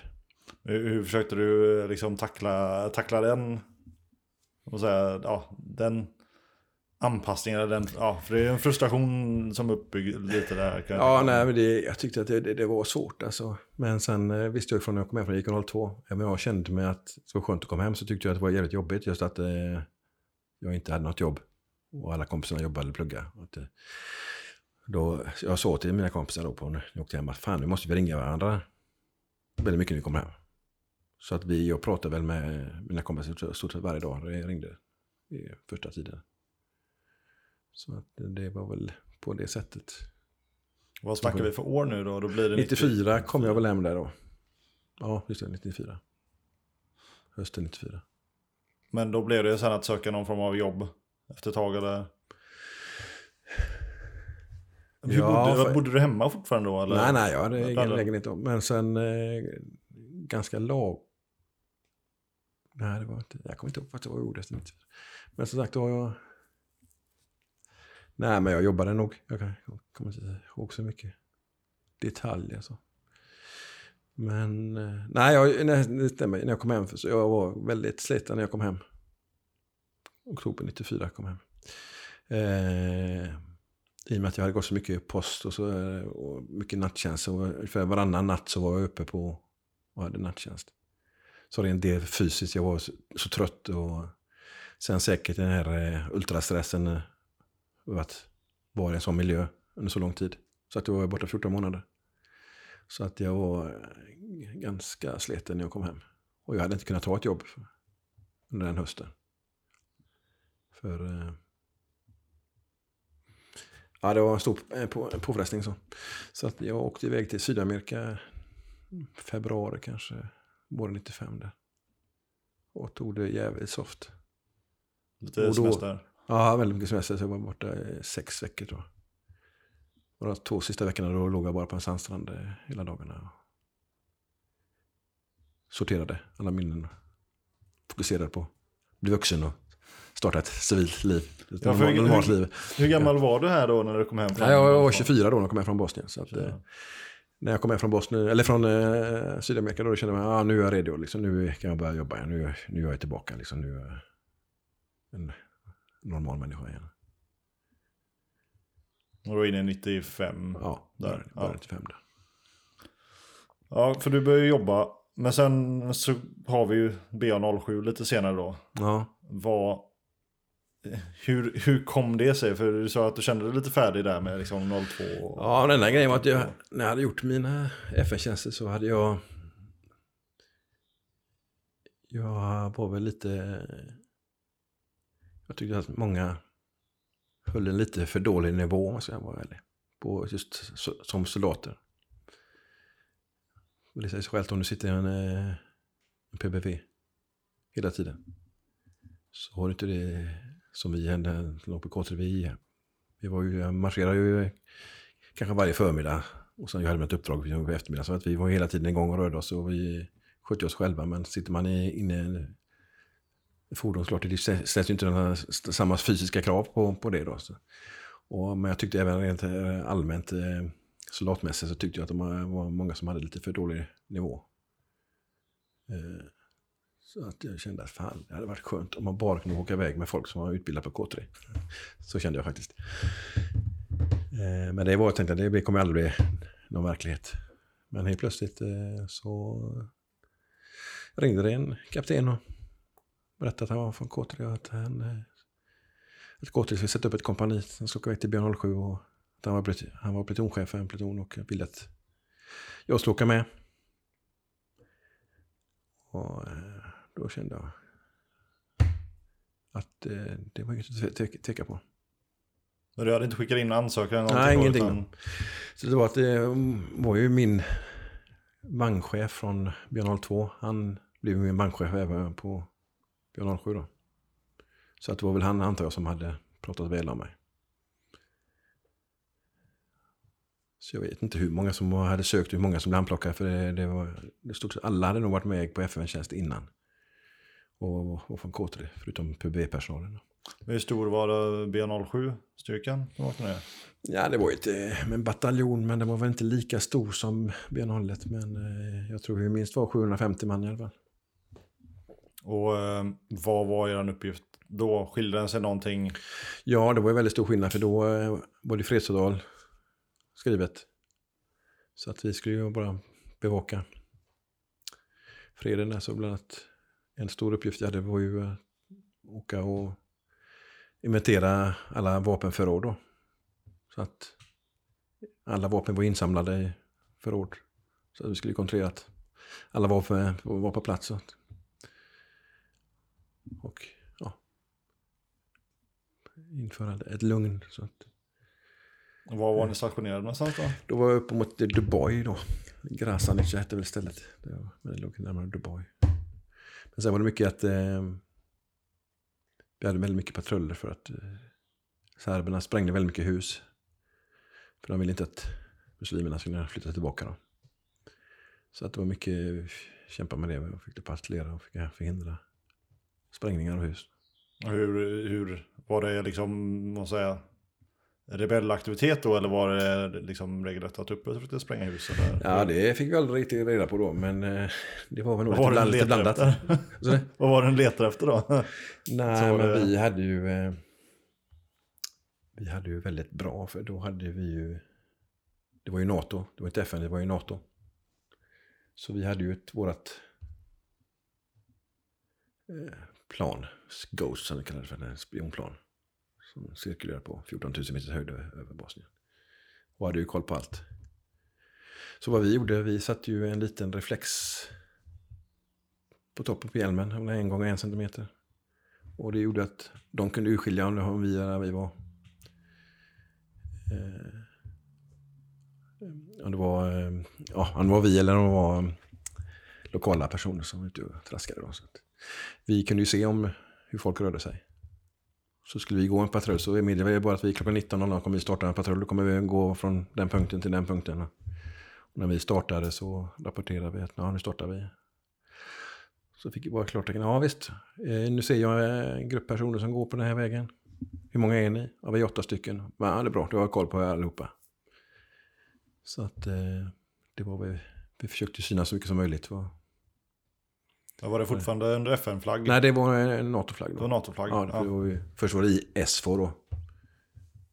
Nej, IFOR var det först. Och sen kom SFOR. Så det bytte ju där eh, under missionen. Gjorde det någon större skillnad för... Eller upplevde du det som att det gjorde någon större skillnad för er? Och den aktiviteten ni gjorde eller? Och liksom bara, nu slapp man blåbärshatten där liksom, eller? Det var lite mer resurser. Så hade man, kände man att man hade. Eh, Men sen eh, spelade det inte så stor roll egentligen. Men vissa hade ju sådana moraliska betänkligheter. Jag skulle aldrig åka iväg under en NATO-flagga, vad vet jag. En del- har ju sagt så här. Kan ju bara tänka sig att jobba för FN. Och hur länge var ni nere? Det var sex månader Ja, igen. var, Och... För ni hade PBV också va? Eller? ja, det hade vi. Men sen så tror jag att de skickades hem. För vi bytte och körde sista, hade SISU sista tiden, vet jag i alla fall. Så jag tror att de skickades hem då. Hur såg minhotet ut under, under 07 och, och även då 01 och 02? Var det någon, för väldigt många Bosnien-veteraner pratar ju om, om minhotet. Ja, det var ju min stora, eller den enda skräcken säga, när jag åkte iväg. Det var ju att jag ville inte gå på en mina. Jag var ju som sagt, jag var löpare, jag ville springa, jag ville liksom inte bli invalidiserad, aldrig kunna springa mer. Så att det var min stora skräck då, men eh, så det var ju, eh, ja, det var ju klassiskt, undvika, undvika gräsytor, eh, gå i terrängen, man fick ju hålla sig till vägar. Men sen så hände det ju lite vi hade ju våra, några incidenter sådär också. Och på väg till incidenter. Och jag vet ju, jag låg och solade på ett ställe, jag var på Sagerets flygplats. Det var, det var så det hade varit något krig, det var inget som vi tänkte på. Men det, det låg vi väntade på ett flyg så vi låg och solade oss på en gräsmatta. Men sen några, eh, några veckor senare så eh, var det en bulldozer som skulle schakta bort gräset på den.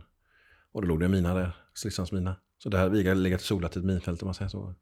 Men det är ju inget, inget som vi visste om då, vi hade ju jävligt gött när vi låg där. Och, Sen hade vi någon annan incident. Vi åkte in på en väg. Det, det stod, vi skulle till Zagreb och så stod det skylt Zagreb. Så alltså, chefen sa till ja stäng in här.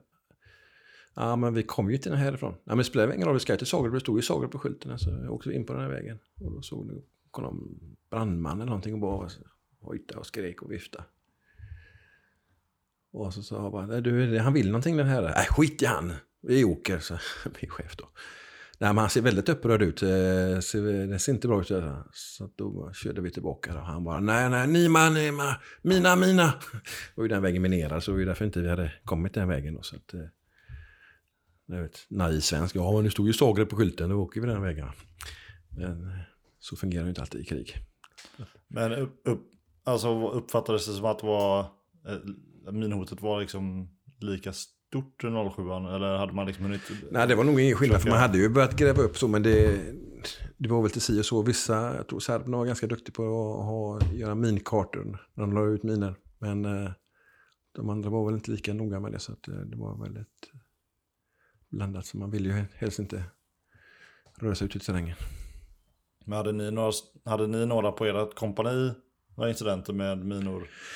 Nej, det tror jag inte vi hade. Men där vet jag, på 02 vet jag, då hade vi problem att komma igenom en checkpoint. Och um, vi hade försökt flera gånger att komma igenom, men vi kom inte igenom. Vi inte insläppta då. Och då letade de upp en liten väg genom skogen som kom bakifrån.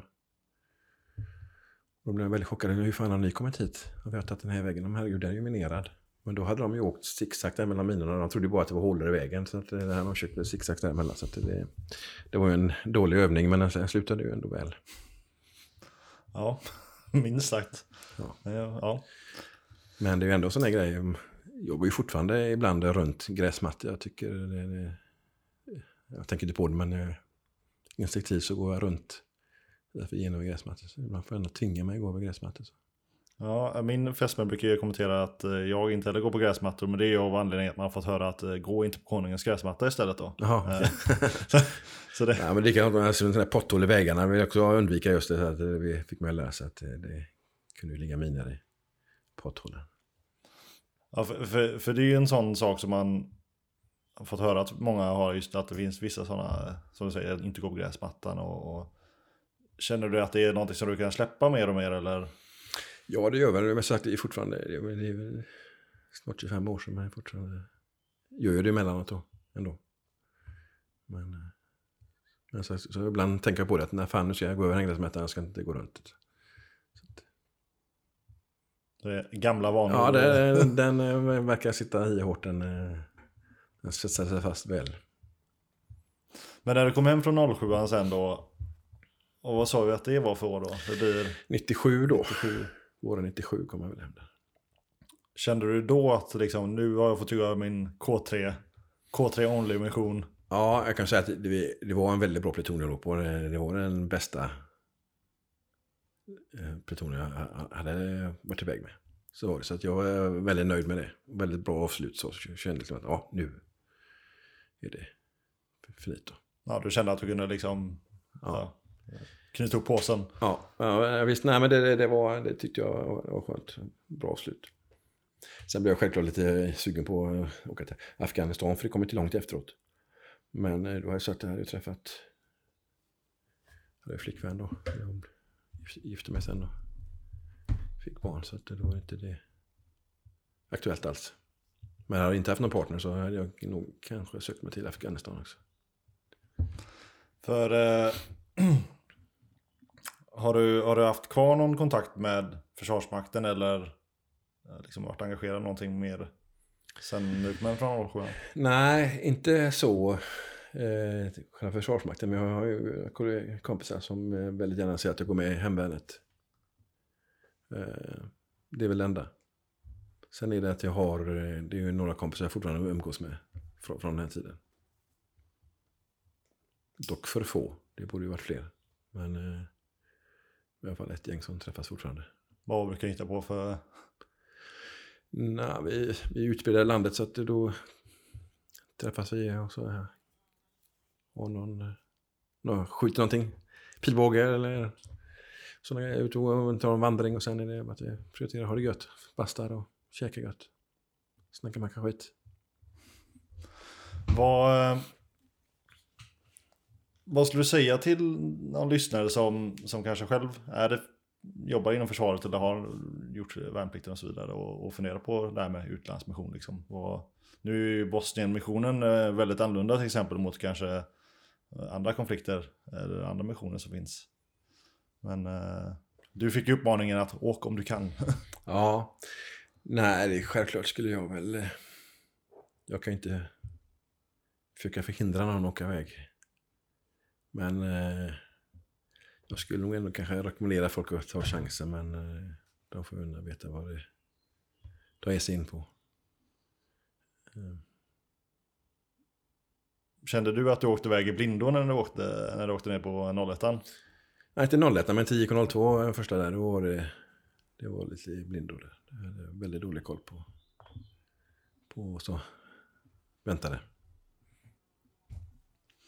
Och hur skulle du säga att du, eh, ja, att du lever idag och liksom eh, hur, hur ser vardagen ut för dig nu? efter 25 år efter insatserna är klara och sådär. Nej, men det är väl... Eh, det är väl nu är det ganska bra. Jag hade några, för några år sedan jag hade stressat alldeles för mycket. Och, alldeles för mycket på en gång. Så att det, då, då hade jag lite misstankar på att jag hade lite spår av PTSD. Sådär. Men eh, i och med att jag inte har någon sån enskild händelse utan jag i så fall är påverkad av den långa tiden under ökat hot om man säger så. Så det är ultrastressen. det är väl snarare det i så fall som, eh, som jag har tagit stryk av. Så att när jag utsätts för stress så eh, ja, blir det lätt för mycket. Har du men, varit... men jag, jag, eh, jag har inte... Det har varit svårt när jag har sökt sådär. För, eh, då, det, då är allting inriktat på en specifik händelse.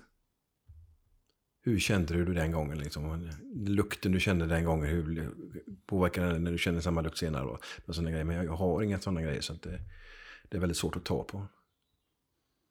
Har du varit nere i, i eh, Bosnien eller Kroatien eller någonting?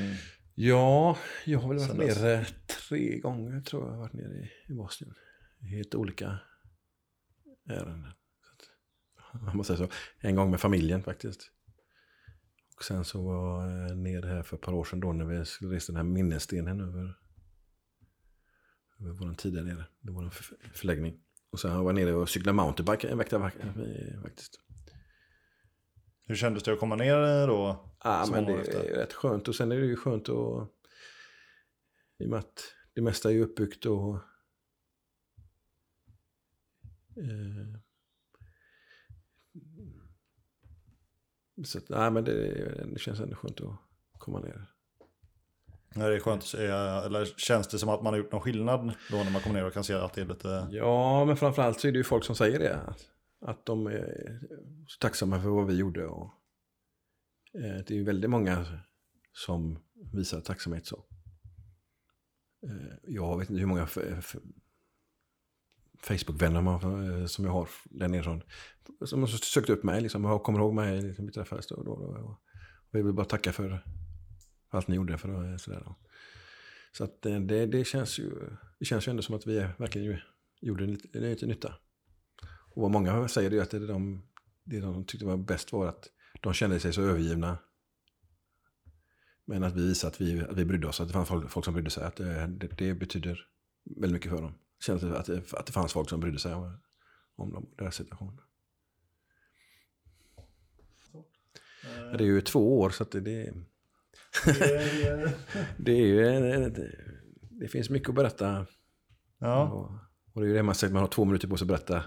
När folk frågar hur var det, var ni i Bosnien? Och ska man berätta hur, summera två år på två minuter. Det är inte så lätt. nej precis. Nej, nu hoppas jag att vi har hunnit få eh, ut lite mer eh, grejer från det. Ja. Eh, om inte annat så har vi möjlighet att spela in igen. Nej men jag vill eh, ja, säga tack för din insats. Ja, Eh, tackar, tackar. Och tack för detta samtalet. Ja, tack. Så får vi ses igen hoppas jag. Det hoppas jag med. Tackar. Och med det så tackar jag dig som har lyssnat. Uppskattar du denna sortens podcast så hade jag uppskattat om du delar denna med dina vänner, om du följer eh, podden på sociala medier och om du berättar om eh, podden för folk i din omgivning. Hjälp mig sprida dessa otroliga berättelser så att fler kan få höra dem. Tack och klart slut!